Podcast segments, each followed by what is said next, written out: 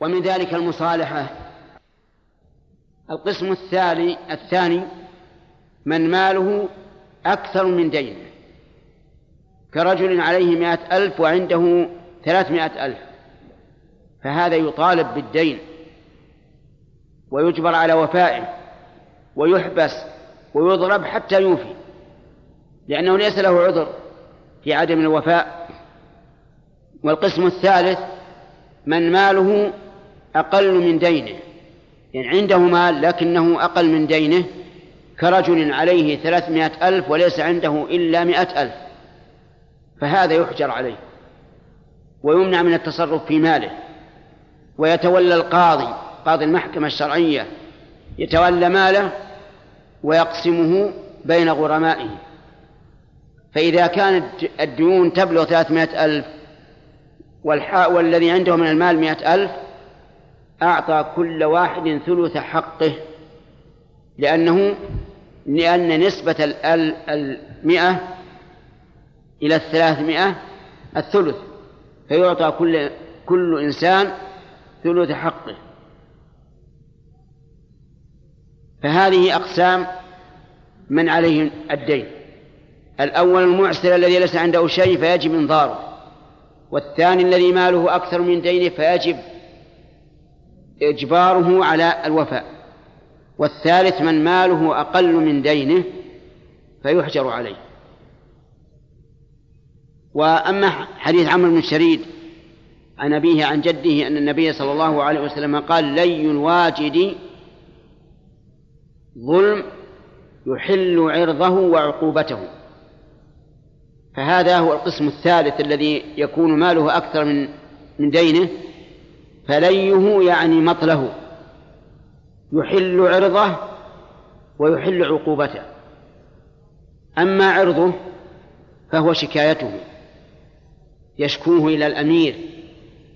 وأما عقوبته فهو حبسه فيحبس الذي ليس عنده الذي عنده ما يوفي ولكنه يماطل.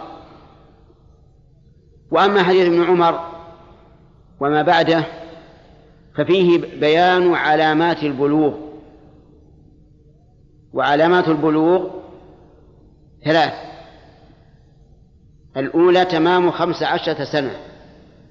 فمن تم له خمس عشرة سنة فهو بالغ من ذكر أو أنثى. والثاني الإنبات إنبات شعر العانة وهو الشعر الثخين الذي يكون حول القبل فهو علامة على البلوغ في الذكر والأنثى. والثالث إنزال المني. فإذا أنزل الإنسان المني يقظة أو مناما في مباشرة أو أو نظر أو تفكير فقد بلغ من ذكر أو أنثى. والرابع خاص بالأنثى وهو الحيض. فمتى حاضت المرأة فقد بلغت ولو لم يكن لها إلا عشر سنوات.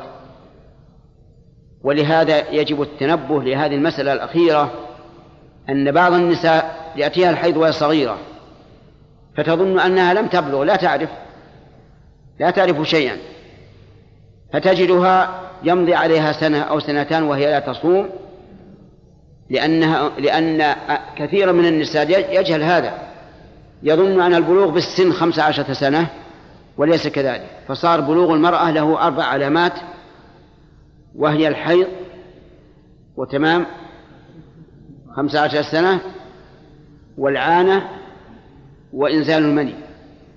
والرجل ثلاث ثلاث علامات يسقط منها الحيض.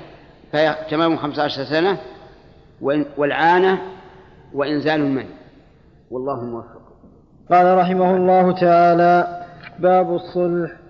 عن عمرو بن عوف المزني رضي الله تعالى عنه أن رسول الله صلى الله عليه وسلم قال الصلح جائز بين المسلمين إلا صلحا حرم حلالا أو أحل حراما والمسلمون على شروطهم إلا شرطا حرم حلالا أو أحل حراما رواه الترمذي وصححه وأنكروا عليه لأن راويه كثير بن عبد الله بن عمرو بن عوف ضعيف وكأنه اعتبره بكثرة طرقه. وقد صحح وقد صححه ابن حبان من حديث أبي هريرة رضي الله تعالى عنه. قال المؤلف رحمه الله تعالى باب الصلح.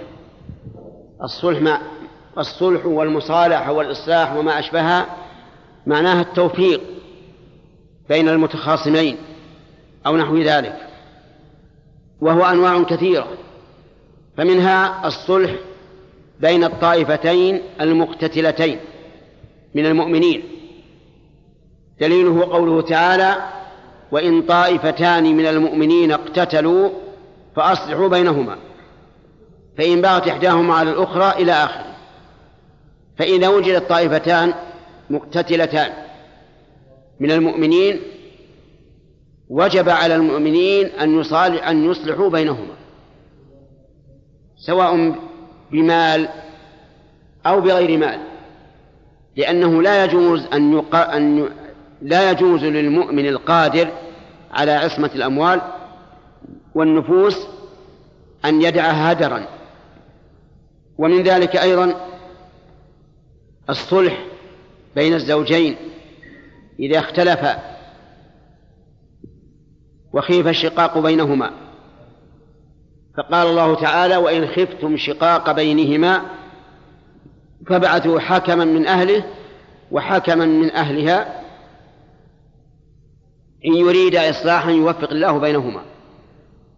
فإذا حصل نزاع بين الزوجين ولم يمكن اتفاقهما على حياة سعيدة فإنه يبعث يعني ينتخب ويختار حكم من أهل الزوجة وحكم من أهل الزوج.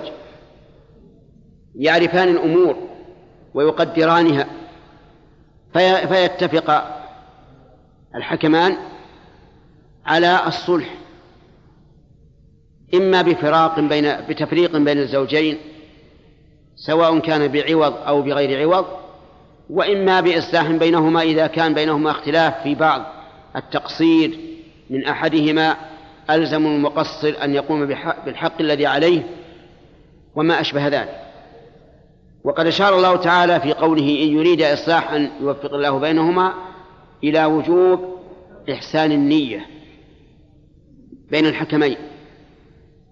ومن ذلك إذا خافت المرأة من ترفع زوجها عليها ونشوزه فإنه يصلح بينهما. وهذا الفرق بينه وبين المسألة الثانية أن الثانية من الطرفين وهذه من طرف واحد. تخشى الزوجة أن ينشز عنها زوجها ويترفع عليها. وقد ودليل ذلك قوله تعالى وإن امرأة خافت من بعلها نشوزا أو إعراضا فلا جناح عليهما أن يصلحا بينهما صلحا. والصلح خير بين المتنازعين في الأموال. ادعى رجل على آخر قال إني أطلبك عشرة آلاف ريال مثلا وأنكر الثاني. فأصلح بينهما بأن يضع هذا النصف ويبذل هذا النصف أو ما أشبه ذلك حسب ما يتفق المصالحان على عليه. هذا أيضا طيب وخير. ويدله لهذا قوله تعالى لا خير في كثير من نجواهم إلا من أمر بصدقة أو معروف أو إصلاح بين الناس. ومن ذلك أن يصطلح الدائن والمدين على تقديم الوفاء مع تنزيل بعض الحق مثل أن يكون شخص في ذمته عشرة آلاف ريال لشخص. آخر تحل بعد سنة. فقال الطالب للمطلوب أو المطلوب للطالب آه، قال يكفي ثمانمائة وأسقط مئتين على أن توفي الآن. هذا لا بأس به أيضا لأن فيه مصلحة للطرفين. المدين يسقط عنه بعض الدين والدائن يعجل له حقه. وأما العكس إذا حل الدين وطلب المدين أن يؤجله الدائن بزيادة فهذا حرام. لأن هذا هو فعل الجاهلية الذين يأكلون الربا أضعافا مضاعفة. فلو حل عليه عشرة آلاف ريال وقال المدين للدائن أجلها إلى سنة تكون باثني عشر ألفا فإن ذلك حرام. لأن هذا ربا صريح فلا يحل. ثم جاء في هذا الحديث أن الصلح جائز بين المسلمين يعني لا بأس به ونافذ وعلى ما اصطلح عليه إلا صلحا أحل حراما أو حرم حلالا. فهذا لا يجوز لأنه مضاد لله ورسوله. وكذلك الشروط الأصل فيها الحل والجواز. إلا شرطا أحل حراما أو حرم حلالا.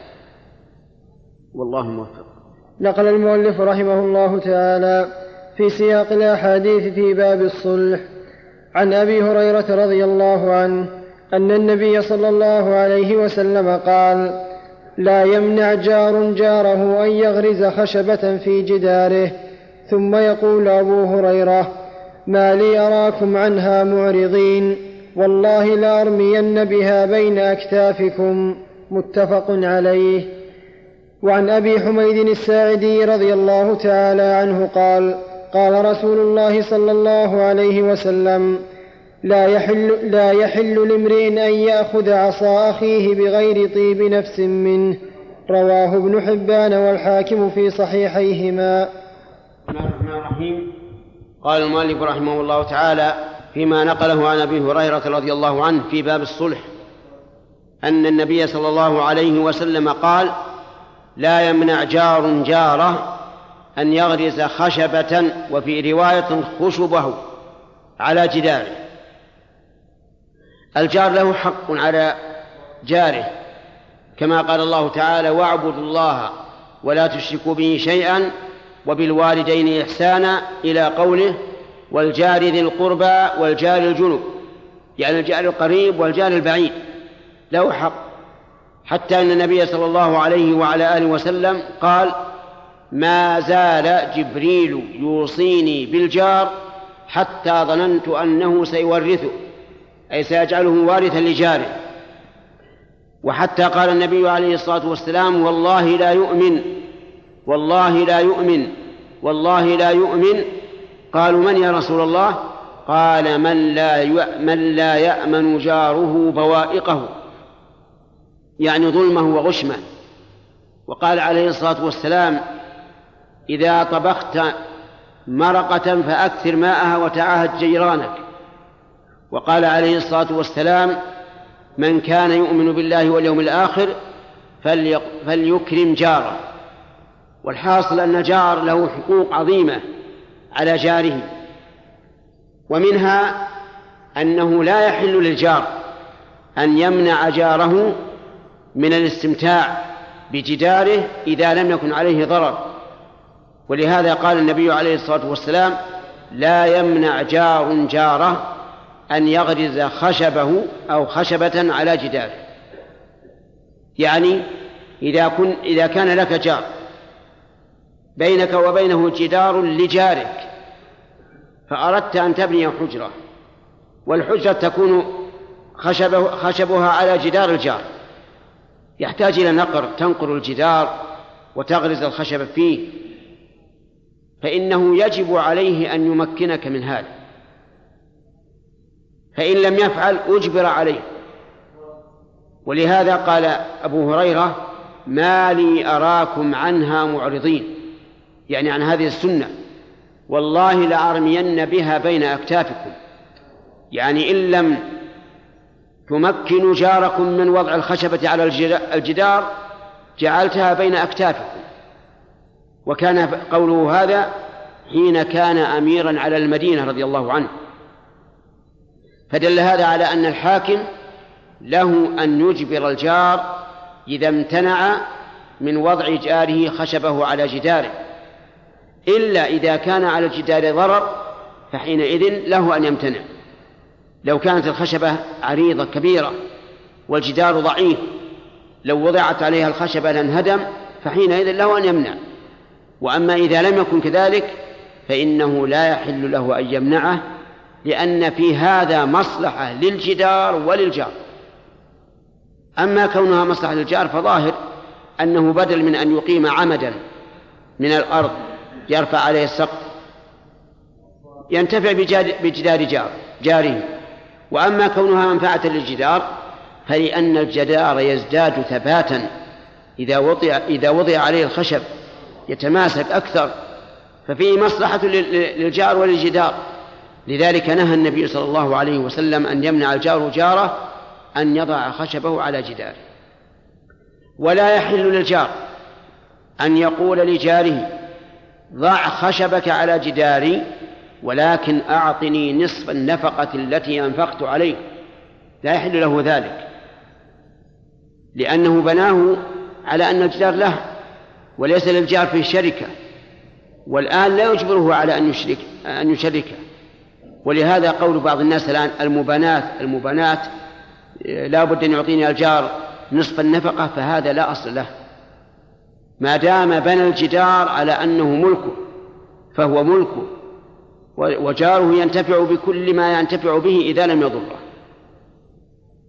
وفي هذا إشارة إلى أنه لا يجب أن يكون بين الجارين فضاء كالذي يسمونه الارتداء فإنه ليس بواجب. يعني يجوز أن الإنسان يسقف على جدار جاره ولا يقال اترك بينهما فضاء ارتداد. لكن تغيرت الأحوال الآن. صار لابد من من الارتداد. وصار النظام عند البلديات الآن أنه لابد أن يكون هناك ارتداد بين ملك الجار وجاره لأن ذلك أقرب لكون الهواء يتخلل البيت وينتفع به. فإذا جرت العادة بذلك فإن الإنسان يجب أن يكون مطواعا وأن لا يعاند وأن يجعل هذا الارتداد مصلحة له ولجيرانه.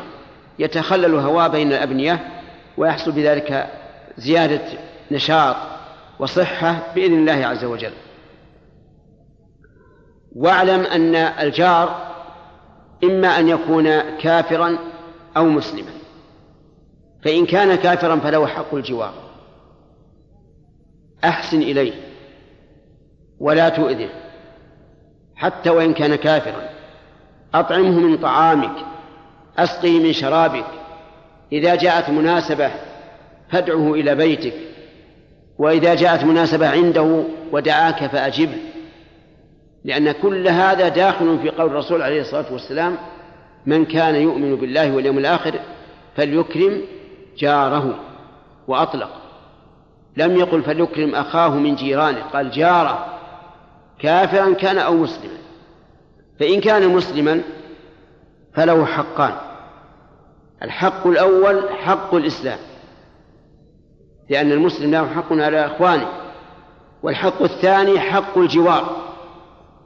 فإن كان مسلما وقريبا بينك وبينه صلة رحم صار له ثلاثة حقوق هي حق القرابة حق الإسلام حق الجوار لأن الإسلام يحفظ الحقوق لأهلها سواء كانوا كفارا أم مسلمين. وهذا من عدل الإسلام وتأليفه للناس لأنه لا يجوز أن تتعصب لدينك فتمنع حقوق غيرك. أعط الناس حقوقهم فإن ذلك أقرب إلى الدعوة للإسلام والتأليف عليه. والله الموفق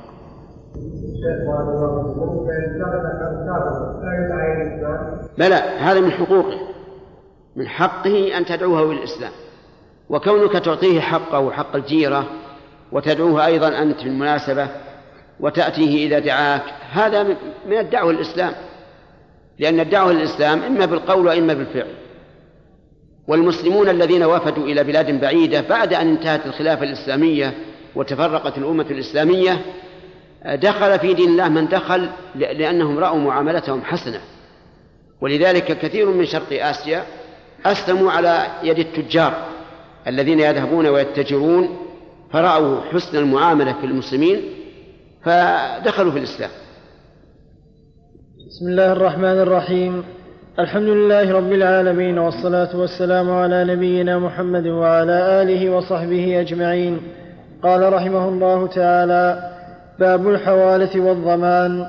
عن أبي هريرة رضي الله تعالى عنه قال قال رسول الله صلى الله عليه وسلم مطل الغني ظلم وإذا أتبع أحدكم على مليء فليتبع. وإذا أتبع أحدكم على مليء فليتبع متفق عليه وفي رواية لأحمد ومن أحيل فليحتل.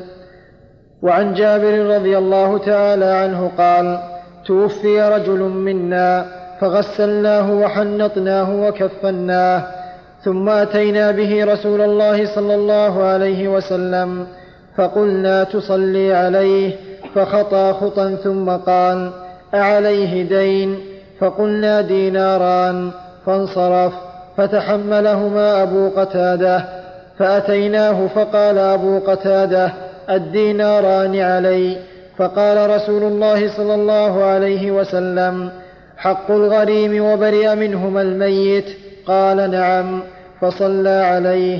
رواه أحمد وأبو داود والنسائي وصححه ابن حبان والحاكم. ثم ذكر المؤلف رحمه الله حديث أبي هريرة أن النبي صلى الله عليه وعلى آله وسلم قال مطل الغني ظلم ومن أحيل على ملي فليحتل وإذا وفي لفظ إذا أتبع أحدكم على ملي فليتبع. ففي هذا الحديث خطاب الطالب والمطلوب. أما المطلوب فقال عليه الصلاة والسلام مطل الغني ظلم والغني هو القادر على الوفاء فإذا مطل وقال للدائن غدا أوفيك ثم جاء إليه فقال غدا ثم جاء إليه وقال غدا وهو يقدر يوفي لكنه مطل به فإنه ظالم والظلم ظلمات يوم القيامة فلا يحل له إذا كان الحق حالا أو مؤجلا ثم حل أن يماطل به مع قدرته على الوفاء.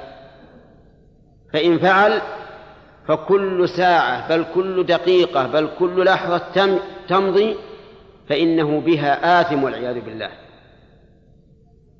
قال أهل العلم والمطل لا يكون إلا بعد طلب. فإذا كان صاحب الحق ساكتا ولم يطلب حقه ولم يظهر منه علامات الطلب فلا بأس أن يتأخر الإنسان بالوفاء. لكن مع ذلك الأفضل أن يوفي لأنه لا يدري ماذا يحصل له ربما يفجأه الموت ولا يكون للطالب بينة فيضيع حقه أو ما أشبه ذلك. وقوله مطل الغني يفاد من يستفاد منها أن الفقير إذا مطل فليس ظالما بل الظالم الذي يطلب أن يوفيه. يعني صاحب الحق إذا كان المحقوق فقيرا فلا يجوز أن يطلب منه ولا يطالب. ثم قال ومن أحيل بدينه على ملي فليحتل. يعني إذا كان إنسان يطلب شخصا. فقال المطلوب أنا أطلب فلانا دراهم. أحولك عليه.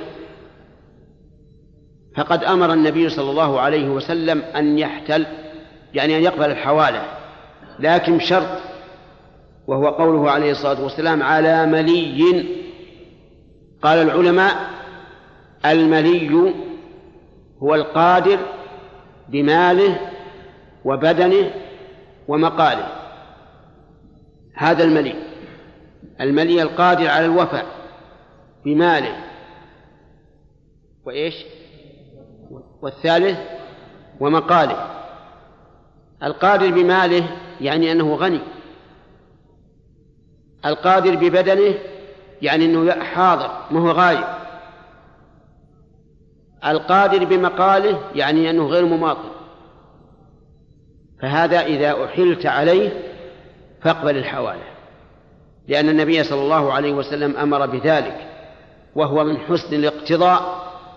وقد قال النبي صلى الله عليه وعلى آله وسلم رحم الله امرأ سمحا إذا اقتضى. فعلم من هذا أنك لو أحلت على شخص فقير فإنك لا, لا يجب عليك أن تحتال. إن شئت تقبل وإن شئت لا تقبل. لو أن لك شخصا تطلبه. فقال أحولك على فلان لأني أطلبه وهو فقير المحال عليه فإنه لا يلزمك أن تقبل الحوالة بل ينظر في الموضوع إذا كان الموضوع خيرا فقبول الحوالة أفضل وإلا فلا. كذلك إذا كان غائبا ولا يمكن إحضاره فلا فلا يلزمك أن أن توافق على الحوادث. كذلك إذا كان مماطلا وغني وحاضر لكنه مماطل. يقول آتي غدا نيت غدا نيت فهذا لا يلزمك أن تقبل. أما حديث جابر رضي الله عنه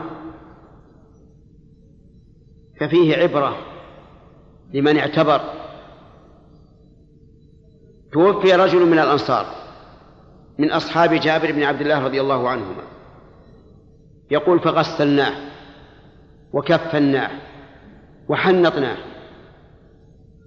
لأن تغسيل الميت فرض كفاية. يجب أن يغسل الميت تغسيلا ينظفه لكن بدون صابون. يغسل بالماء ثلاثا خمسا سبعا تسعا لقول النبي صلى الله عليه وسلم للنساء اللاتي كن يغسلن ابنته يغسلنها ثلاثا أو خمسا أو سبعا أو أكثر من ذلك إن رأيتن ذلك. ينظف بدنه. ولا يستعمل الصابون لأنه حار إلا إذا احتيج إليه بأن يكون بدن الميت وسخا جدا لأن بعض الأموات لا يعتني بنفسه في حياته فيكون عنده أوساخ كثيرة. لكنه يغسل بالماء والسدر. السدر معروف. يدق السدر ويوضع في إناء وفيه ماء ويخبط باليد حتى يكون له رغوة. فتؤخذ الرغوة ويغسل بها الرأس رأس الميت. ثم الثفل الباقي يغسل به بقية البدن. وقولك كفناه أي ألبسناه كفنه. والكفن يكفي ثوب واحد يعم جميع البدن. ولكن الأفضل أن يكون ثلاثة أثواب. يوضع الميت عليها ثم يرد طرف الثوب الأعلى على الميت من الجانبين ثم الذي تحته ثم الذي تحته. وحنطناه أي جعلنا فيه طيبا. لأن من عادة المسلمين أن الميت يطيب يجعل طيب في قطن في أذنيه في مغابنه على منخريه على فمه حتى يكون الطيب الرائحة ثم جئنا به إلى المسجد. جئنا به إلى النبي صلى الله عليه وسلم ليصلي عليه. فخطى خطوات ليصلي. ثم قال هل عليه دين؟ قالوا نعم. عليه ديناران. يعني جنيهين من الذهب. فتأخر. ولم يصلي عليه. لأنه صلى الله عليه وسلم كان لا يصلي على الذي عليه دين. لأن صلاة الرسول شفاعة. والمدين حق حق الدائن في ذمته. لا لا لا, لا يعفى عنه. فتأخر وقال صلوا على صاحبكم. فتغيرت وجوه أصحابه. أن الرسول لم يصلي على هذا الرجل. فقام أبو قتادة رضي الله عنه قال يا رسول الله الديناران علي. الدينار علي أنا أوفيهما. قال حق الغريم وبرئ الميت قال نعم يا رسول الله. فتقدم وصلى. فدل ذلك على عظم الدين وأنه ليس بالأمر الهين ومع الأسف الشديد أن الناس اليوم تهاونوا فيه. حتى كانوا يستدينون من غير حاجة بل لأمور كمالية لا يحتاجون إليها. وسبب ذلك هو ضعف التفكير وقلة العلم وجشع التجار. التجار يريدون أن يأتي الناس إليهم يستدينون منهم ويكسبون عليهم. ولهذا إن بقيت الحال على ما هي عليه سيكون هناك أزمة اقتصادية في البلاد لا سيما بالنسبة للشباب. الشاب الآن لا يرضى أن يشتري سيارة متوسطة تليق به لا يذهب يشتري سيارة الملوك. سيارة غالية يستدينها في ذمته. متى يوفي هذا؟ كذلك أيضا بعض الناس يبني له بيتا ويجعل فيه ديكورات وفرش وتزويقات ما له داعي وهو أيضا يستدينها. هذا غلط عظيم. ثم إنه جاء في الحديث عن النبي عليه الصلاة والسلام أن نفس المؤمن معلقة بدينه إذا مات معلقة بدينه حتى يقضى عنه. فالمسألة خطيرة ولهذا يجب على أهل العلم أن يحذروا الناس من التساهل في الدين. ألم تعلموا أن رجلا جاء للرسول عليه الصلاة والسلام قال يا رسول الله زوجني هذه المرأة. قال عندك شيء تعطيها مهر؟ قال نعم عندي إزاري. وهو ما عليه إلا إزار فقط. قد ستر عورته. وصدره وأعلى بدنه ما ما فيه الستر قال إزاري. قال إزارك صدق إن أعطيتها إياه بقيت بلا بلا إزار. وإن بقي عليك بقيت بلا مهر. هذا ما يصير. اذهب دور. فذهب. قال له الرسول التمس ولو خاتما من حديد. ذهب ما وجد ولا خاتم من حديد. ثم رجع للرسول عليه الصلاة والسلام قال ما وجدت شيئا. قال معك شيء من القرآن؟ قال نعم. قال علمها إياه. فقد زوجتكها بما معك من القرآن. لم يقل له استسلف استقرض مع أنه زواج. مهم. لكن الرسول يعلم عليه الصلاة والسلام أن عاقبة الدين وخيمة. فيجب علينا أيها الأخوة أن نبصر إخواننا ونحذرهم من الدين حتى تسلم ذممهم ويبقى الناس على على الاستقامة. والله الموفق. بسم الله الرحمن الرحيم. الحمد لله رب العالمين والصلاة والسلام على نبينا محمد وعلى آله وصحبه أجمعين. قال رحمه الله تعالى باب الشركة والوكالة. عن أبي هريرة رضي الله عنه قال قال رسول الله صلى الله عليه وسلم قال الله تعالى أنا ثالث, أنا ثالث الشريكين ما لم يخن أحدهما صاحبه. فإذا خان خرجت من بينهما رواه أبو داود وصححه الحاكم.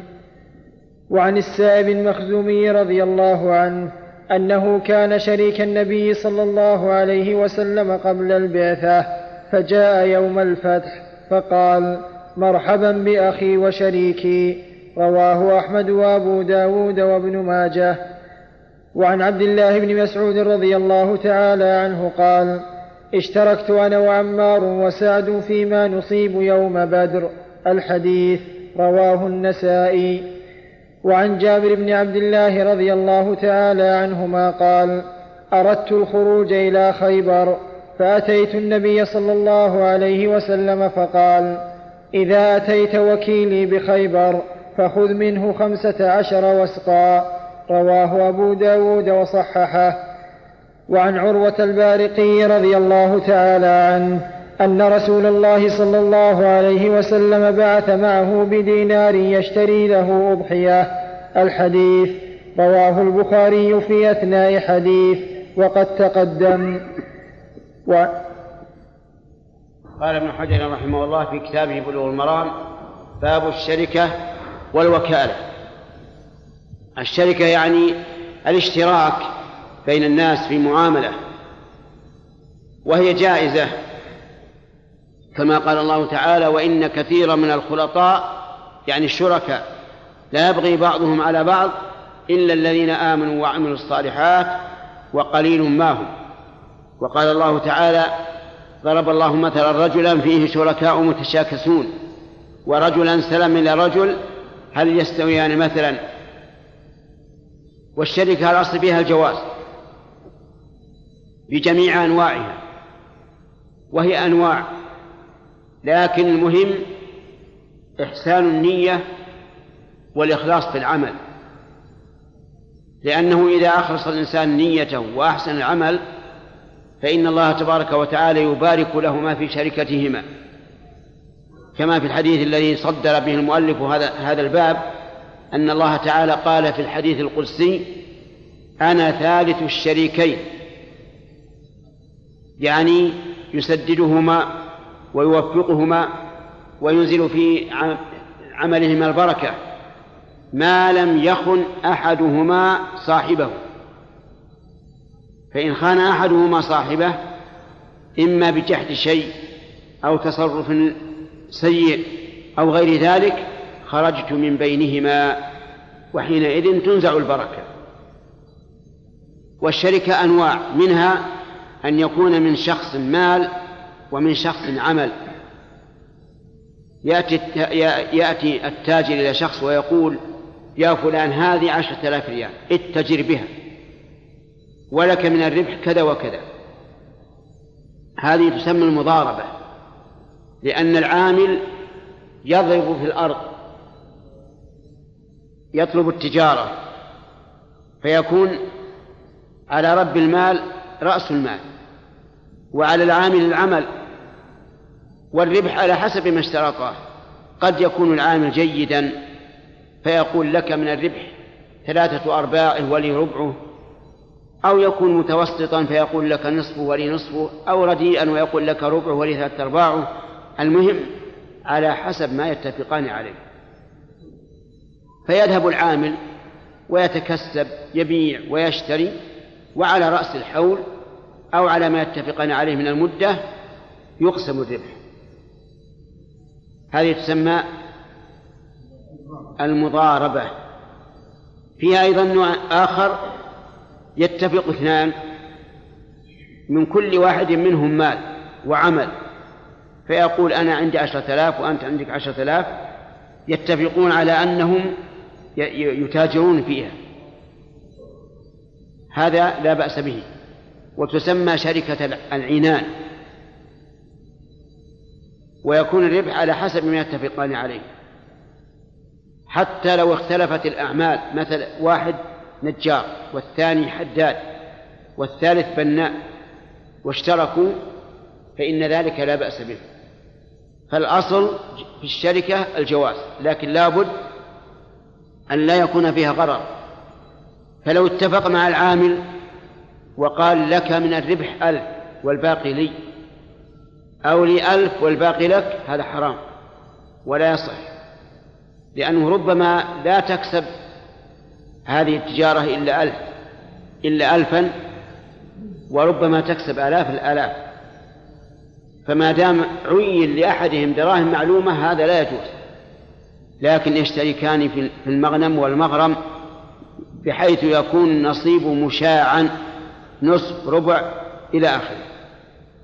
وأما الوكالة فهي تفويض الإنسان في التصرف يعني أن يفوض الإنسان شخصا يتصرف له يوكله مثلا على المطالبة بحقه يوكله على البيع أو الشراء يقول خذ هذه السلعة بيعها أنت وكيلي في بيعها الشراء يقول يا فلان وكلتك تشتري لي كذا وكذا.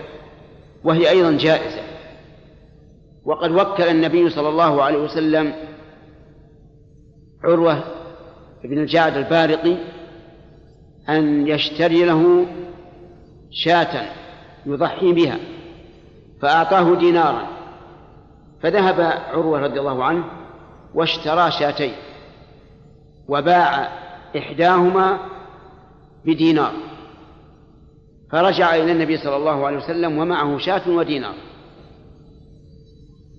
فقال له النبي فدعا له النبي صلى الله عليه وسلم أن يبارك الله له في بيعه فكان لا يشتري شيئا إلا ربح فيه ببركة دعاء النبي صلى الله عليه وسلم. والوكالة الأصل فيها الجواز لكن العبادات لا يصح فيها التوكيل لو وكلت إنسان وقلت يا فلان صل عني لا يجوز. لو قلت تطهر عني توضأ عني لا, لا يجوز. إلا فيما ورد فيه النص كالصدقات يجوز أن توكل فيها شخصا يفرق زكاتك أو صدقتك. وكذلك الحج يجوز أن توكل من يحج عنك. وأما العبادات البدنية المحضة فلا يجوز التوكيل فيها. والله الموفق. قال رحمه الله تعالى باب الآلية عن سمرة بن جندب عن سمرة بن جندب قال قال رسول الله صلى الله عليه وسلم على اليد ما أخذت حتى تؤديه رواه أحمد والأربعة وصححه الحاكم. وعن أبي هريرة رضي الله تعالى عنه قال قال رسول الله صلى الله عليه وسلم أد الأمانة إلى من ائتمنك ولا تخن من خانك. رواه الترمذي وأبو داود وحسنه وصححه الحاكم. واستنكره أبو حاتم الرازي وأخرجه جماعة من الحفاظ وهو شامل للعارية. وعن يعلى بن أمية رضي الله عنه قال قال لي رسول الله صلى الله عليه وسلم إذا أتتك رسلي فأعطهم ثلاثين درعا. قلت يا رسول الله أعارية مضمونة أو عارية مؤداه قال بل عارية مؤداه رواه أحمد وأبو داود والنسائي وصححه ابن حبان. وعن صفوان بن أمية رضي الله عنه أن النبي صلى الله عليه وسلم استعار منه دروعا يوم حنين فقال أغصب يا محمد؟ قال بل عارية مضمونة. رواه أبو داود وأحمد والنسائي وصححه الحاكم. وأخرج له شاهدا ضعيفا عن ابن عباس رضي الله عنهما. قال المؤلف رحمه الله تعالى في كتابه بلوغ المرام باب العارية ويقال العارية. وهي أي العارية أن يعطي الشخص شخصا آخر ما ينتفع به ويرده مثل أن يعطيه إناء قدرا أو إبريقا أو دلة أو فناجيل أو غيرها ينتفع به ويرده إلى صاحبه. هذه هي العارية وهي من الإحسان. والله تبارك وتعالى قد أمر بالإحسان فقال جل وعلا إن الله يأمر بالعدل والإحسان وإيتاء ذي القربى. وقال تعالى وأحسنوا إن الله يحب المحسنين.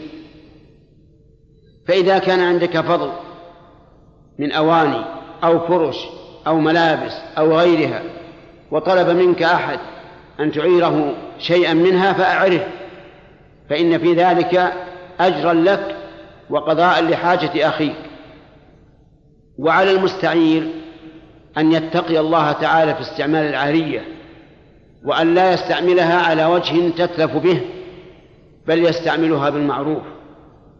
وما نقص منها بالاستعمال بالمعروف فلا ضمان فيه.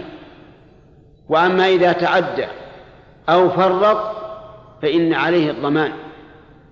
فالتعدي أن يفعل ما لا ما لا يحل له والتفريط أن يترك ما يجب عليه.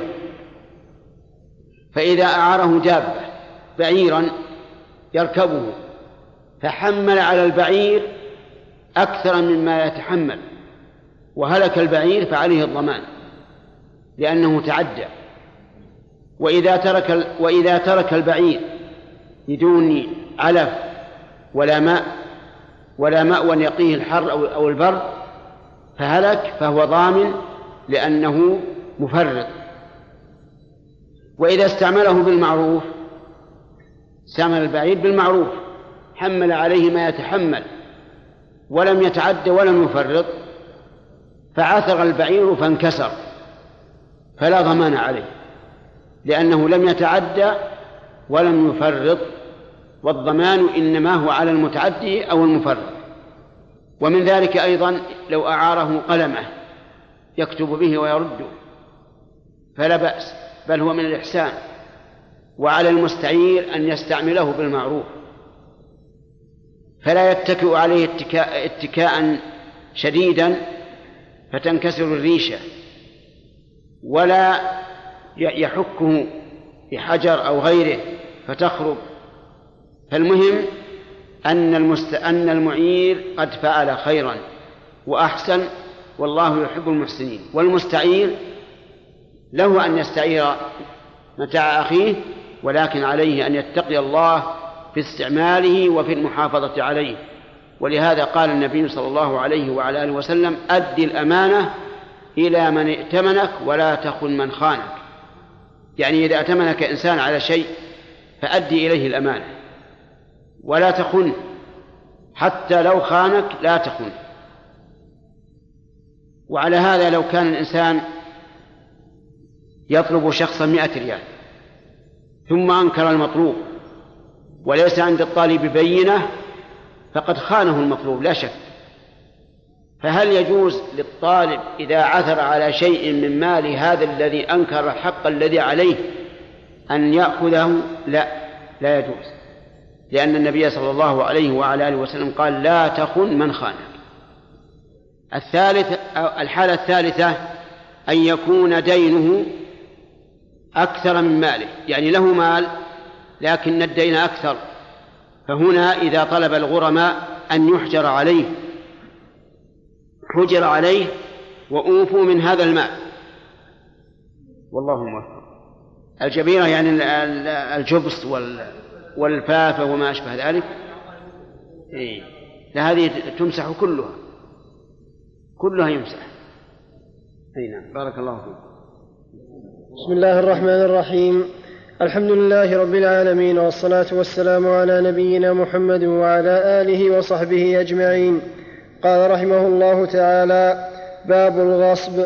عن سعيد بن زيد رضي الله عنه أن رسول الله صلى الله عليه وسلم قال من اقتطع شبرا من الأرض ظلما طوقه الله إياه يوم القيامة من سبع أراضين.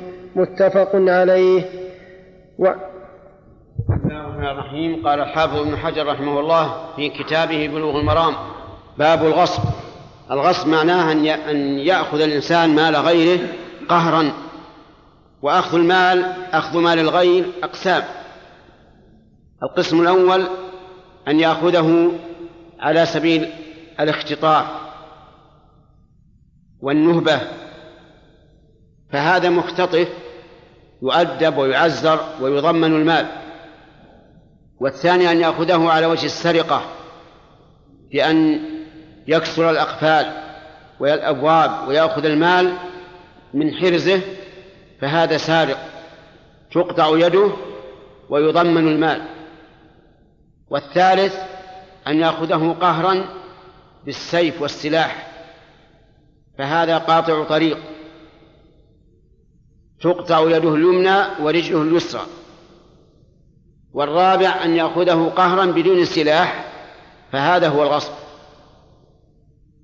وهو محرم بالإجماع لدلالة الكتاب والسنة على ذلك وأنه لا يجوز للإنسان أن يأخذ مال أخيه المسلم أو مال المعاهد أو المستأمن, أو الذمي إلا بحق.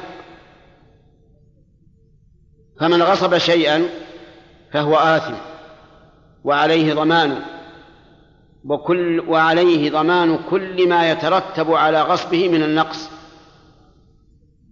فمن ذلك غصب الأراضي أن يستولي الإنسان على أرض غيره غصبا. فهذا له هذا الوعيد الشديد الذي بينه النبي صلى الله عليه وسلم في قوله من اقتطع شبرا من الأرض ظلما طوقه الله به يوم القيامة من سبع أراضين. يعني يكون طوقا في عنقه من سبع أراضين يوم القيامة في ذلك اليوم المشهود الذي يشهده الله عز وجل والملائكة والإنس والجن وكل المخلوقات. فيفتضح هذا الرجل بأن تكون الأراضي التي غصبها طوقا في عنقه والعياذ بالله. ولا تقل كيف يتصور هذا أن يحمل الإنسان أراضي طوقا على عنقه لأن هذا وإن كان مستحيلا في الدنيا لكن أحوال الآخرة لا تقاس في أحوال بأحوال الدنيا. أحوال الآخرة لا يمكن للإنسان أن يتصور كيفيتها لأنها أعظم مما تحيط به عقولنا. ففي هذا الحديث دليل على أن غصب الأراضي من كبائر الذنوب. قال العلماء وإذا غصب أرضا وجب عليه ردها إلى صاحبها ووجب عليه ضمان نقصها إن كانت نقصت بحفر أو أو دفن أو غير ذلك ووجب عليه تسويتها وردها على ما كانت عليه. وإذا بنى فيها أو غرس وجب عليه قلع بنائه وغرسه إذا طالبه صاحب الأرض بذلك. وإن لم يطالبه بقي ولا شيء للغاصب. لأن النبي صلى الله عليه وسلم قال ليس لعرق ظالم حق وفي هذا الحديث دليل على أن من اقتطع شيئا من الأرض بحق فلا شيء عليه. مثل أن يكون جارك قد اعتدى عليك وأخذ من أرضك ثم استرددتها أنت بالقوة فلا إثم فلا إثم عليك لأنك أخذتها بحق. وفي هذا دليل على أن الأراضين سبع لقول النبي صلى الله عليه وسلم طوقه من سبع أراضين. وقد قال الله تعالى في القرآن الكريم الله الذي خلق سبع سماوات ومن الأرض مثلهن. أي مثلهن في العدد لا في الكيفية لأن السماء أعظم من الأرض بكثير لكنها مثلها في العدد. وفيه دليل أيضا على أن الإنسان إذا ملك أرضا ملكها إلى تقومة الأرض يعني إلى أسفل السافلين كما أنه يملك هواءها إلى إلى السماء. فمثلا إذا كان ملك الإنسان أربعمائة متر فله من جوف الأرض أربعمائة متر إلى الأرض السفلى وله من فوق إلى أربعمائة, إلى أربعمائة متر. فلا يستطيع أحد أن يحفر من تحت ملكه مخبأ أو ما أشبه ذلك ولا يستطيع أحد أن يبني رفوفا تطل على أرضه لأن لأن الإنسان يملك الأرض وما فوقها وما تحتها. لقوله طوقه من سبع أراضين ولولا أنه يملك ما كان أسفل لم يعاقب الغاصب على ما كان أسفل. لكن هذا دليل على أن الإنسان يملك القرار والهواء كما قال العلماء. قرار الأرض إلى أسفل الأرض والهواء إلى أعلى السماء. والله موفق. نقل المؤلف رحمه الله تعالى في سياق الأحاديث في باب الغصب. عن أنس رضي الله عنه أن النبي صلى الله عليه وسلم كان عند بعض نسائه فأرسلت إحدى أمهات المؤمنين مع خادم لها بقصعة فيها طعام فضربت بيدها فكسرت القصعة فضمها وجعل فيها الطعام وقال كلوا ودفع القصعة الصحيحة للرسول وحبس المكسورة. رواه البخاري والترمذي وسمى الضاربة عائشة وزاد. فقال النبي صلى الله عليه وسلم طعام بطعام وإناء بإناء وصححه. ساق المؤلف رحمه الله في كتابه بلوغ المرام في باب الغصب حديث أنس رضي الله عنه. وفيه بيان كيفية الضمان. وقد سبق لنا أنه يجب على الغاصب أن يضمن ما أتلف وكلما ترتب على غصبه. ولكن كيف يضمن؟ قال أهل العلم رحمهم الله يضمن يضمن المثل بمثله وما ليس له مثل بالقيمة. والمثل كل ما له مماثل أو مشابه من الأواني والأطعمة والفرش والثياب والحلي وغير ذلك. فساق المؤلف حديث أنس ليبين كيفية الطعام. كيفية الضمان. وذلك في هذه القصة الغريبة أن إحدى أمهات المؤمنين أرسلت إلى النبي صلى الله عليه وعلى آله وسلم طعاما وهو في بيت عائشة. ومعلوم ما يكون بين النساء الضرائر من الغيرة والجزع. فجاء الرسول بالجفنة فيها الطعام يعني شيء مثل الصحفة جاء الخادم بالطعام فضربت عائشة رضي الله عنها ضربت يد الخادم فسقطت الجفنة وانكسرت فضمها النبي صلى الله عليه وسلم وأرسل مع الخادم جفنة عائشة رضي الله عنها وقال إناء بإناء وطعام بطعام. ففي هذا دليل على أن الأواني تضمن بمثلها. فمثلا إذا أتلف شخص لك إذا أتلف لك جفنة فإنه يضمنها بمثلها. في الكيفية والصنعة والقدم والجدة فإن لم يوجد فبالقيمة. ولا يمكن أن نقول يضمن العتيق بالجديد لأن في هذا ظلما على الضامن. ولا العكس لأن فيه ظلما على المضمون له. فمثلا لو أن أحدا كسر لك إناء نقول يجب أن يضمنه بمثله. فإذا كان الإناء عتيقا فيضمنه بعتيق وإن كان جديدا فبجديد. ولا نلزمه أن يضمن العتيق بالجديد لأن ذلك ظلما عليه. وكذلك أيضا لا نقول لمن كسر إناؤه خذ العتيق بدل الجديد لأن في ذلك ظلما له. ولكن يضمن بمثله ويحتاط في كل ما يكون أقرب إليه. فإن لم يمكن, فإن لم يمكن فبالقيمة. إذا لم نجد عند المعتدي إناء مثل الإناء الذي كسر فإننا نقدر قيمة المكسور ونقول للمعتدي الذي كسره اضمن بالقيمة. وفي هذا الحديث دليل على أن ما نشأ من الغيرة لا يعاقب الإنسان عليه لأن النبي صلى الله عليه وعلى آله وسلم لم يوبخ عائشة ولم يؤدبها أو يعزلها لأن الغيرة أمر يكره الإنسان ويضطره إلى فعل الشيء الذي لا يحسن منه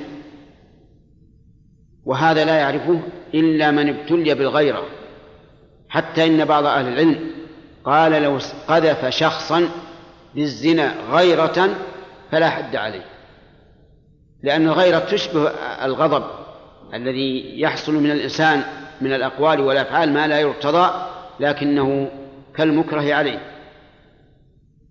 وفي هذا حسن حكم النبي صلى الله عليه وعلى آله وسلم حيث بين الحكمة من كونه يعطي الخادم جفنة عائشة رضي الله عنها فقال طعام بطعام وإناء بإناء وفيه أيضا دليل على أن الطعام يضمن بمثله فمن أتلف لك طعاما ضمناه بمثله. لو أن إنسانا سلط ماشيته على خبز إنسان فأكلته فإنه يضمن مثل ذلك الخبز. كما قال عليه الصلاة والسلام طعام بطعام. وفي هذا أيضا فيه دليل على جواز الاستخدام. أن الإنسان يجعل لنفسه خادما. وهذا إذا كان الإنسان محتاجا إليه لا شك في جوازه لكن إذا كان غير محتاج فالأولى أن لا يستخدم أحدا أن يخدم نفسه بنفسه. لأن هذا فيه حياة للبدن ونشاط واستغناء عن الخلق. والله الموفق بسم الله الرحمن الرحيم. الحمد لله رب العالمين والصلاة والسلام على نبينا محمد وعلى آله وصحبه أجمعين. نقل, نقل المؤلف رحمه الله تعالى في سياق الأحاديث في باب الغصب. عن رافع بن خديج رضي الله عنه قال قال رسول الله صلى الله عليه وسلم من زرع في أرض قوم بغير إذنهم فليس له من الزرع شيء وله نفقته. رواه أحمد والأربعة إلا النسائي وحسنه الترمذي ويقال إن البخاري ضعفه. وعن عروة بن الزبير رضي الله عنهما قال قال رجل من أصحاب رسول الله صلى الله عليه وسلم إن رجلين اختصما إلى رسول الله صلى الله عليه وسلم في أرض غرس أحدهما فيها نخلا والأرض للآخر فقضى رسول الله صلى الله عليه وسلم بالأرض لصاحبها وأمر صاحب النخل أن يخرج نخله وقال ليس لعرق ظالم حق. رواه أبو داود وإسناده حسن. ذكر المؤلف رحمه الله حديثين في بيان من زرع أو غرس في أرض قوم بغير إذنه. وذلك أن الإنسان إذا كان له أرض وأعطاها شخصا يزرعها بسهم من الزرع فلا بأس. مثل أن يتفق مع صاحب حرث على أن يزرعها بالنصف أو بالربع أو بأقل أو بأكثر فلا بأس. ويكون على ما شرطا. وأما إذا زرع بغير إذن صاحب الأرض فقد قضى النبي صلى الله عليه وسلم بأن الزرع يكون لصاحب الأرض. وعلى ولصاحب ولصاحب الزرع نفقته قلت أو كثرت لأن نماء, الزرع إنما كان بأرض هذا المالك فيكون له. ولو أنه قلع الزرع لكان فيه فساد على صاحب الأرض وعلى صاحب الزرع. فكان الحكم النبوي أن يقال لصاحب الزرع ما الذي أنفقت فيعطى نفقته ويقال لصاحب الأرض الزرع لك. فإن ادعى نفقة وأنكر صاحب الأرض بأن قال أنفقت خمسة ألاف وقال صاحب الأرض بل ثلاثة فإن كان دعوى صاحب الزرع قريبة محتملة فالقول قوله ويقال لصاحب الأرض إما أن تأخذ الزرع بما قال وإلا فإنه يبقى إلى أن بأجرة إلى أن يحصد الزرع. وأما إذا كانت بعيدة بأن قال أنفقت عشرة آلاف ومثل هذا الزرع لا ينفق عليه إلا ألفان أو ثلاثة فلا فلا قول له. ويعرض على أهل الخبرة ويثمن. وأما إذا إذا غرس شجرا نخلا أو رمانا أو عنبا أو ما أشبه ذلك فهذا يقال للغارس اقلع الغرس الذي غرست ولصاحب الأرض أرضه.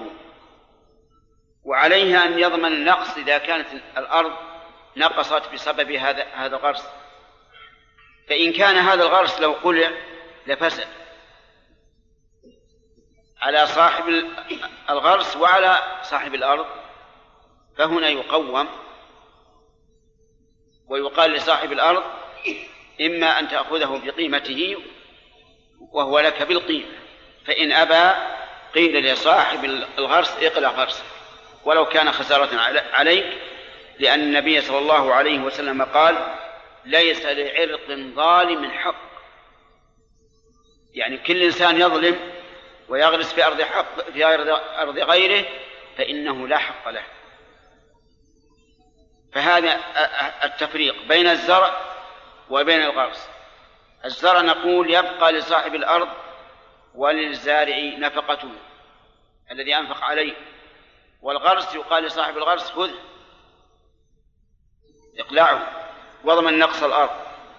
إلا إذا اختار صاحب الأرض أن يبقى الشجر بقيمته فله ذلك.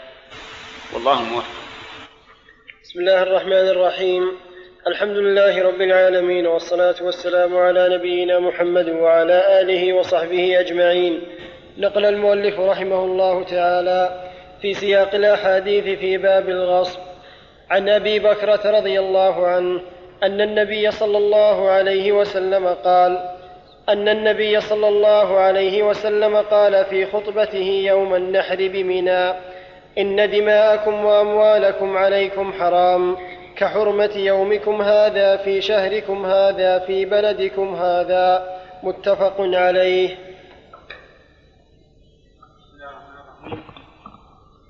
ختم الحافظ ابن حجر رحمه الله كتاب الغصب بهذا الحديث العظيم الذي بين فيه أن النبي صلى الله عليه وسلم قال في خطبته يوم النحر إن دماءكم إلى آخره. وذلك أن النبي صلى الله عليه وسلم خطب في الناس في منى يوم النحر وقرر تحريم هذه الأشياء الثلاثة فسألهم أولا أي يوم هذا؟ أي شهر هذا؟ أي بلد هذا؟ ثم قال لهم إن دماءكم وأموالكم وأعراضكم عليكم حرام كحرمة يومكم هذا في شهركم هذا في بلدكم هذا. ألا هل بلغت؟ قالوا نعم. قال اللهم اشهد. فبين الرسول عليه الصلاة والسلام أن دم المرء حرام على أخيه المسلم. فلا يجوز عليه أن يعتدي عليه بعدوان يسفح يسفك فيه دما سواء بالقتل أو بقطع العضو أو بجرح بدن أو غير ذلك. أي جناية يكون فيها إراقة الدم من أخيك المسلم فإنها حرام. أعظمها القتل ثم ما دونه. الأشد فالأشد. ومن اعتدى على أخيه عمدا عدوانا فإنه يجب أن يقتل. يجب أن يقتل.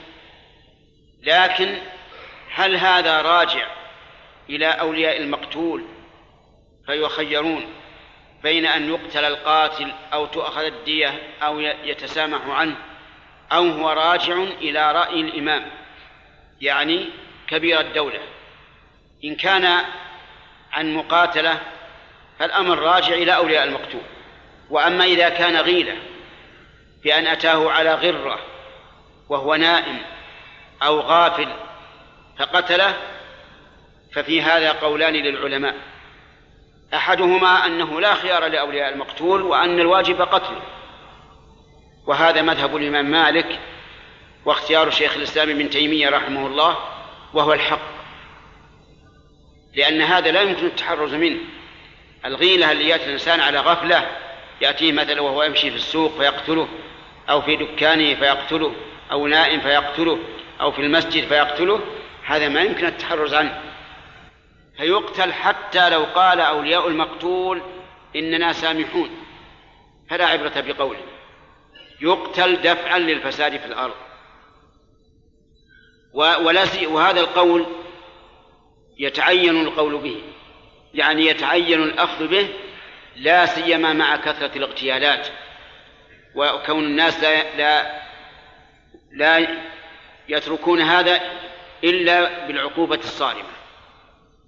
أما إذا كان عن مقاتلة مثل تشاده وياه وترافع الأصوات وتشابكوا في الأيدي ثم قتله فنعم هذا يرجع فيه إلى أولياء المقتول.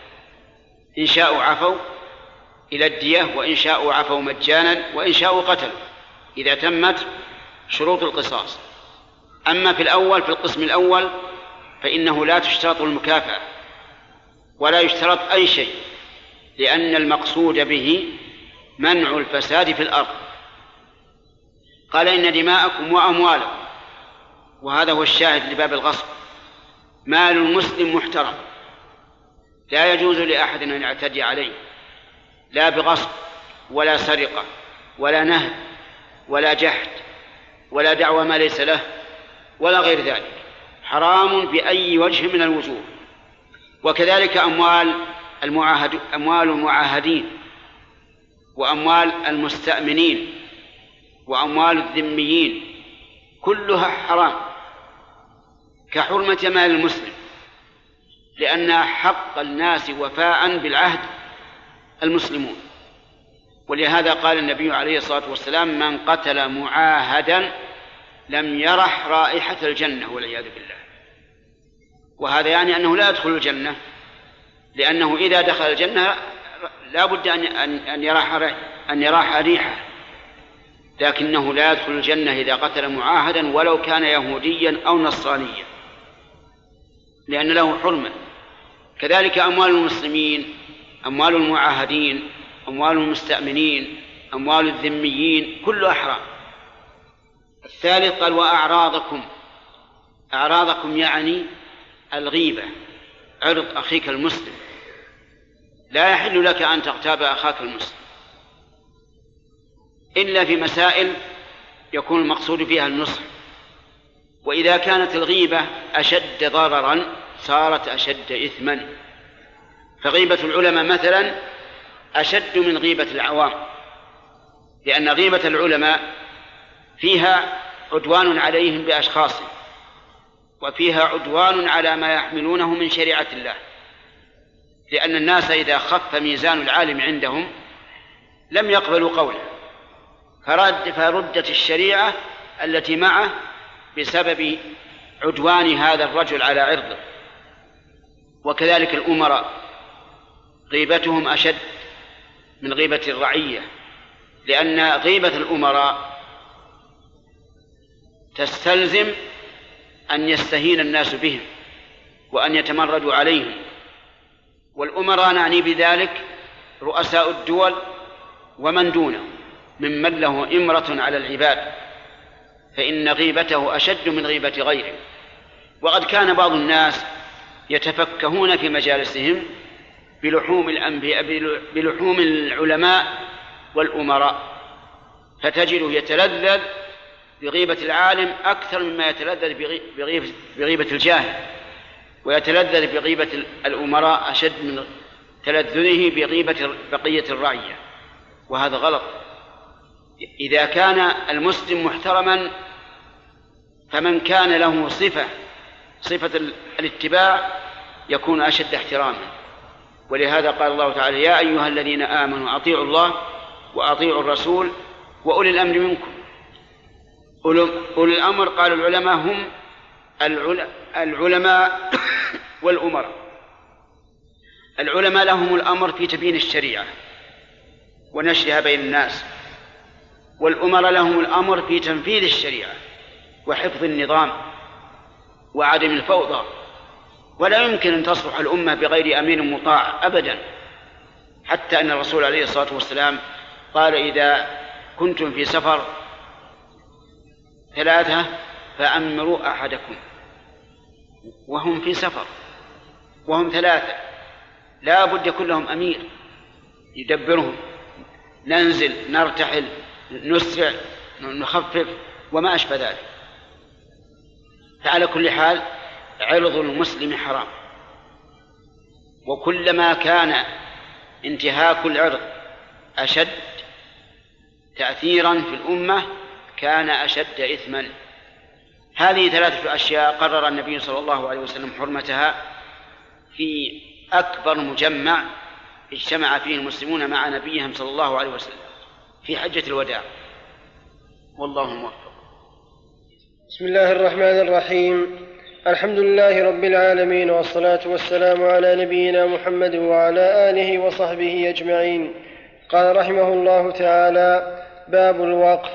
عن أبي هريرة رضي الله تعالى عنه أن رسول الله صلى الله عليه وسلم قال إذا مات ابن آدم انقطع, انقطع عنه عمله إلا من ثلاث صدقة جارية أو علم ينتفع به.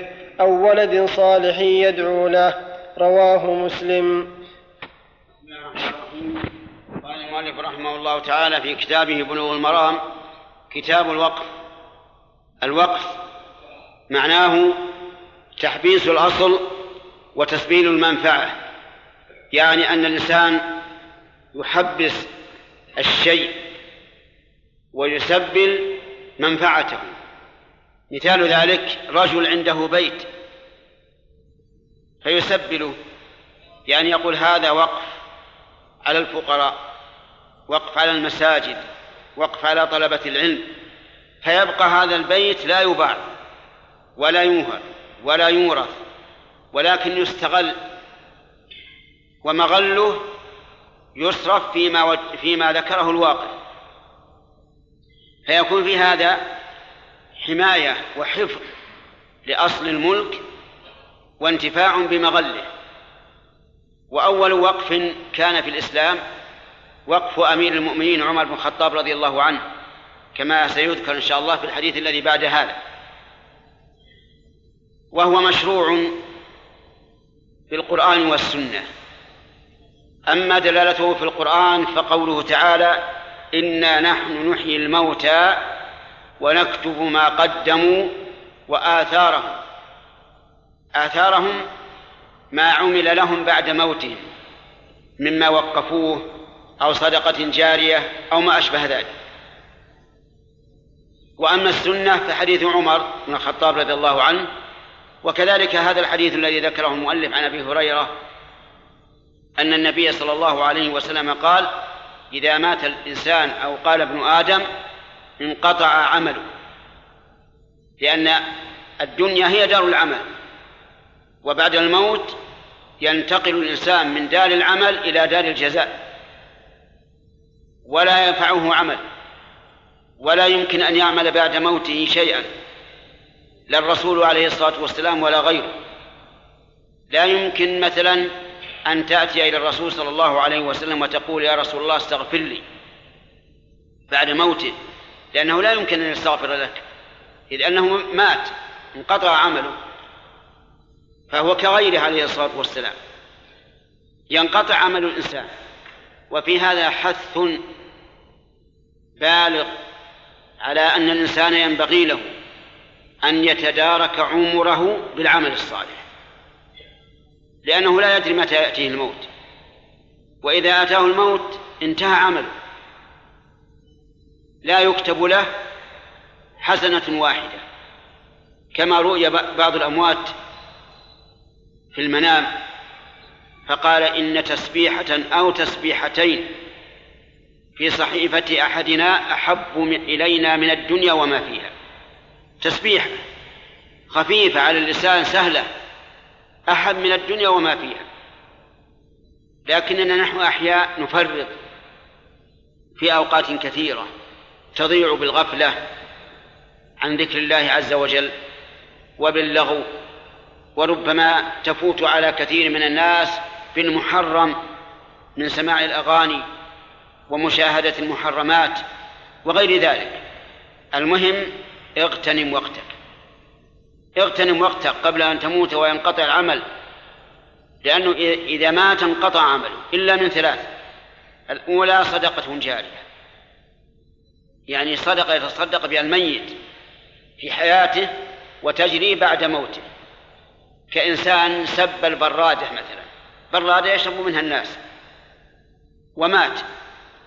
ما دام الناس ينتفعون بهذه البرادة فإنه يكتب له الأجر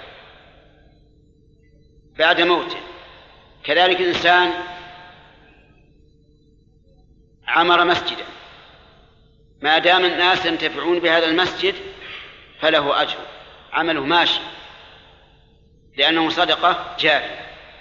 وإذا كان الخير يكتب للإنسان بعد موته إذا كان هو السبب في إيجاده فالشر يكتب عليه بعد موته إذا كان هو السبب في إيجاده.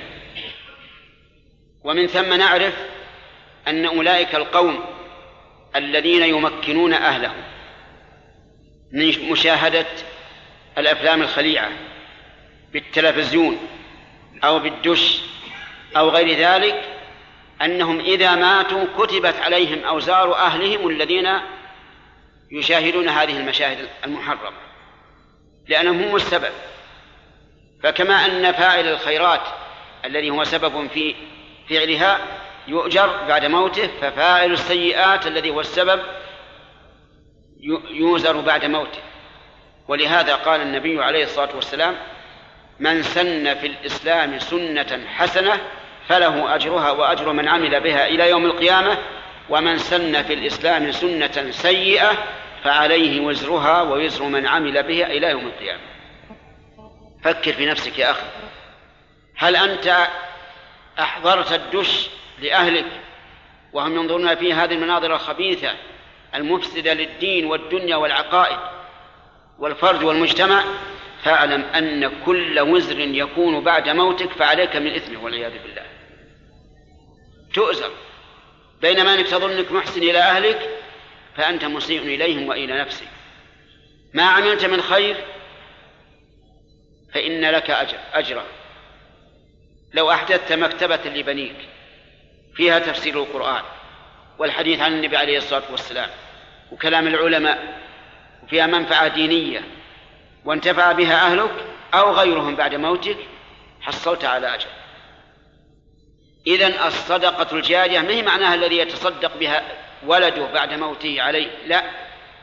الصدقة الجارية هو الذي ينشئها وتبقى بعد موته. الثاني علم ينتفع به وهذا أفضل الثلاثة وأعمها وأنفعها.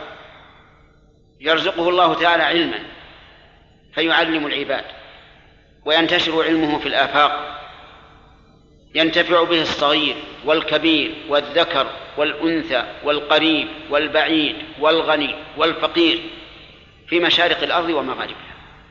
ما أكبرها من نعمة. ولهذا يعتبر العلم النافع أفضل الثلاث التي ذكرها الرسول عليه الصلاة والسلام أفضل الثلاث التي ذكرها الرسول عليه الصلاة والسلام.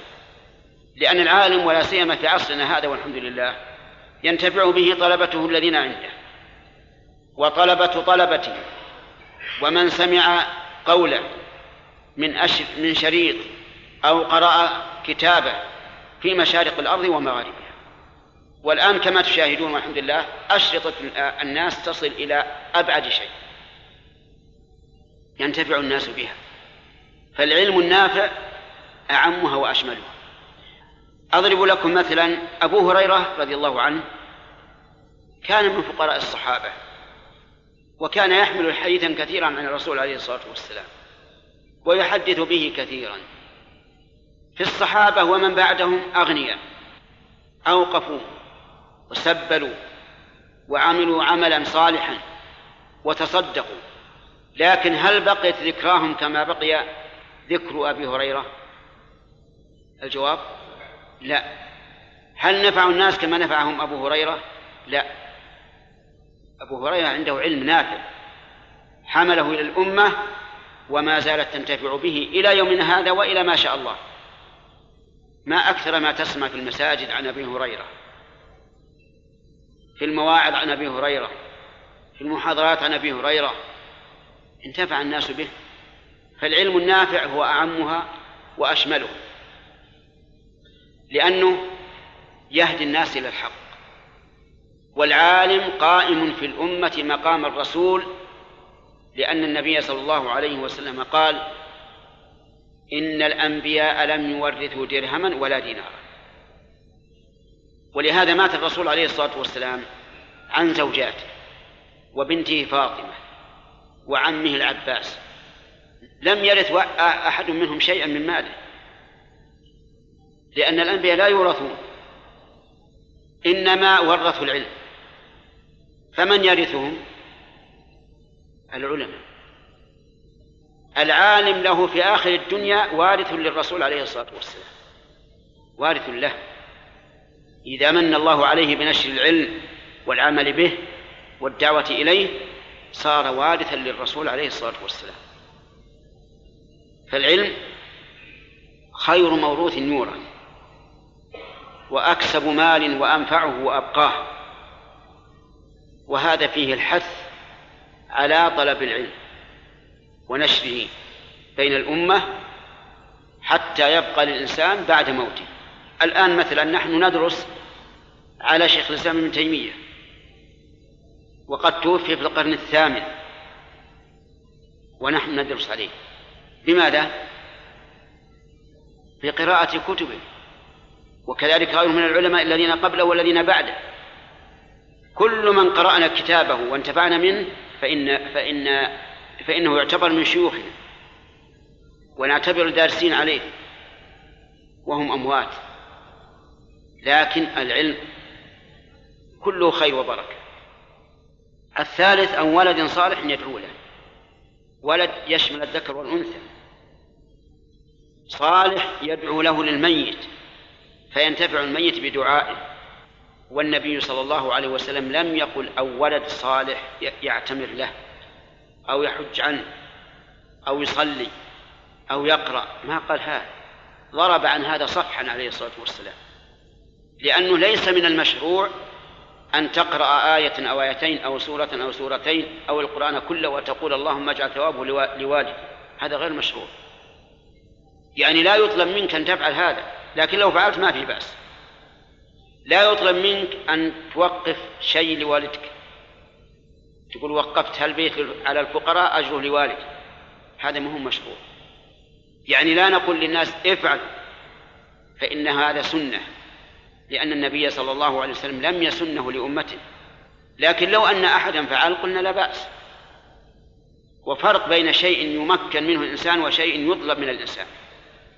ولهذا لا تجد حرفا صحيحا ولا ضعيفا عن الرسول عليه الصلاة والسلام أنه أمر الناس أن يجعلوا لآبائهم أوقافا. بل رخص لمن جاء يستفتيه أن يجعل لأمه وقفا أو يتصدق عنها لكن ما أمر. وبهذا نعرف الجهل التام العام في هؤلاء القوم الذين إذا ذهبوا إلى مكة واعتمروا أول عمرة لأنفسهم اعتمروا باليوم الثاني والثالث والرابع لآبائهم يوزعون كأنما يوزعون عليهم قطع لحم أو خبزا هذا غلط. ليس من هدي الصحابة ولا من من هدي الخلفاء الراشدين الراشدين ولا الأئمة بعدهم. نعم الشيء الواجب. قال النبي صلى الله عليه وسلم من مات وعليه صيام صام عنه ولي أما نفل لا. لا تفعل. فلو جاءنا رجل يقول أيما أفضل أن أذهب بعمرة لوالدي أمي أو أبي أو أن أدعو لهم؟ قلنا الدعاء لهم أفضل. واجعل العمل الصالح لنفسك. أنت الآن في سعة ولكنك سوف تحتاج العمل الصالح. وما دام هادي البشرية محمد صلى الله عليه وسلم وهو يتكلم عن العمل للمي للميت ما دام لم يقل للناس أو ولد صالح يتعبد لله ويجعل ثوابه لوالده وإنما عدل عن هذا إلى قوله أو ولد صالح يدعو له عرفنا أن هذا ليس من المشروع وأن وأن الدعاء أفضل. وليس من هدي السلف أنهم كلما فعلوا شيئا قال اللهم اجعل ثوابه لفلان وفلان أبدا. وإن كان هذا جائزا ويرى بعض العلماء أيضا أنه لا يجوز إلا فيما ورد به النص. وأن جميع الأعمال البدنية لا يصح أن تتثاوب بها لأحد. يعني تقرأ القرآن تقول هذا ثواب الوالد يقول ما يصلح. لأن الجزاء على الأعمال أمر توقيفي. وقد قال الله تعالى أم لم ينبأ بما في صحف موسى وإبراهيم الذي وفى ألا تزر وازرة وزر أخرى وأن ليس للإنسان إلا ما سعى إلا ما سعى. هذا العموم لا يمكن أن نخرج شيئا من أفراده إلا بدليل. وإلا فالأصل أن الإنسان لا ينتفع بعمل غيره إلا بدليل. على كل حال أهم شيء عندي أن طلبة العلم يبثون بين العوام هذا هذا الشرع دون الفكرة العامية وهو أنهم يجتهدون في الدعاء لأمواتهم ويجعلون الأعمال الصالحة لهم. أسأل الله لنا ولكم التوفيق وأن يرزقنا وإياكم علما نافعا وعملا صالحا. نقل المؤلف رحمه الله تعالى في سياق الأحاديث في باب الوقف. عن ابن عمر قال أصاب عمر رضي الله عنه أرضا بخيبر فأتى النبي صلى الله عليه وسلم يستأمره فيها فقال يا رسول الله إني أصبت أرضا بخيبر لم أصب مالا قط هو أنفس عندي منه. قال إن شئت حبست أصلها وتصدقت بها. قال فتصدق بها عمر أنه لا يباع أصلها ولا يورث ولا يوهب فتصدق بها في الفقراء وفي القربى وفي الرقاب وفي سبيل الله وابن السبيل والضيف.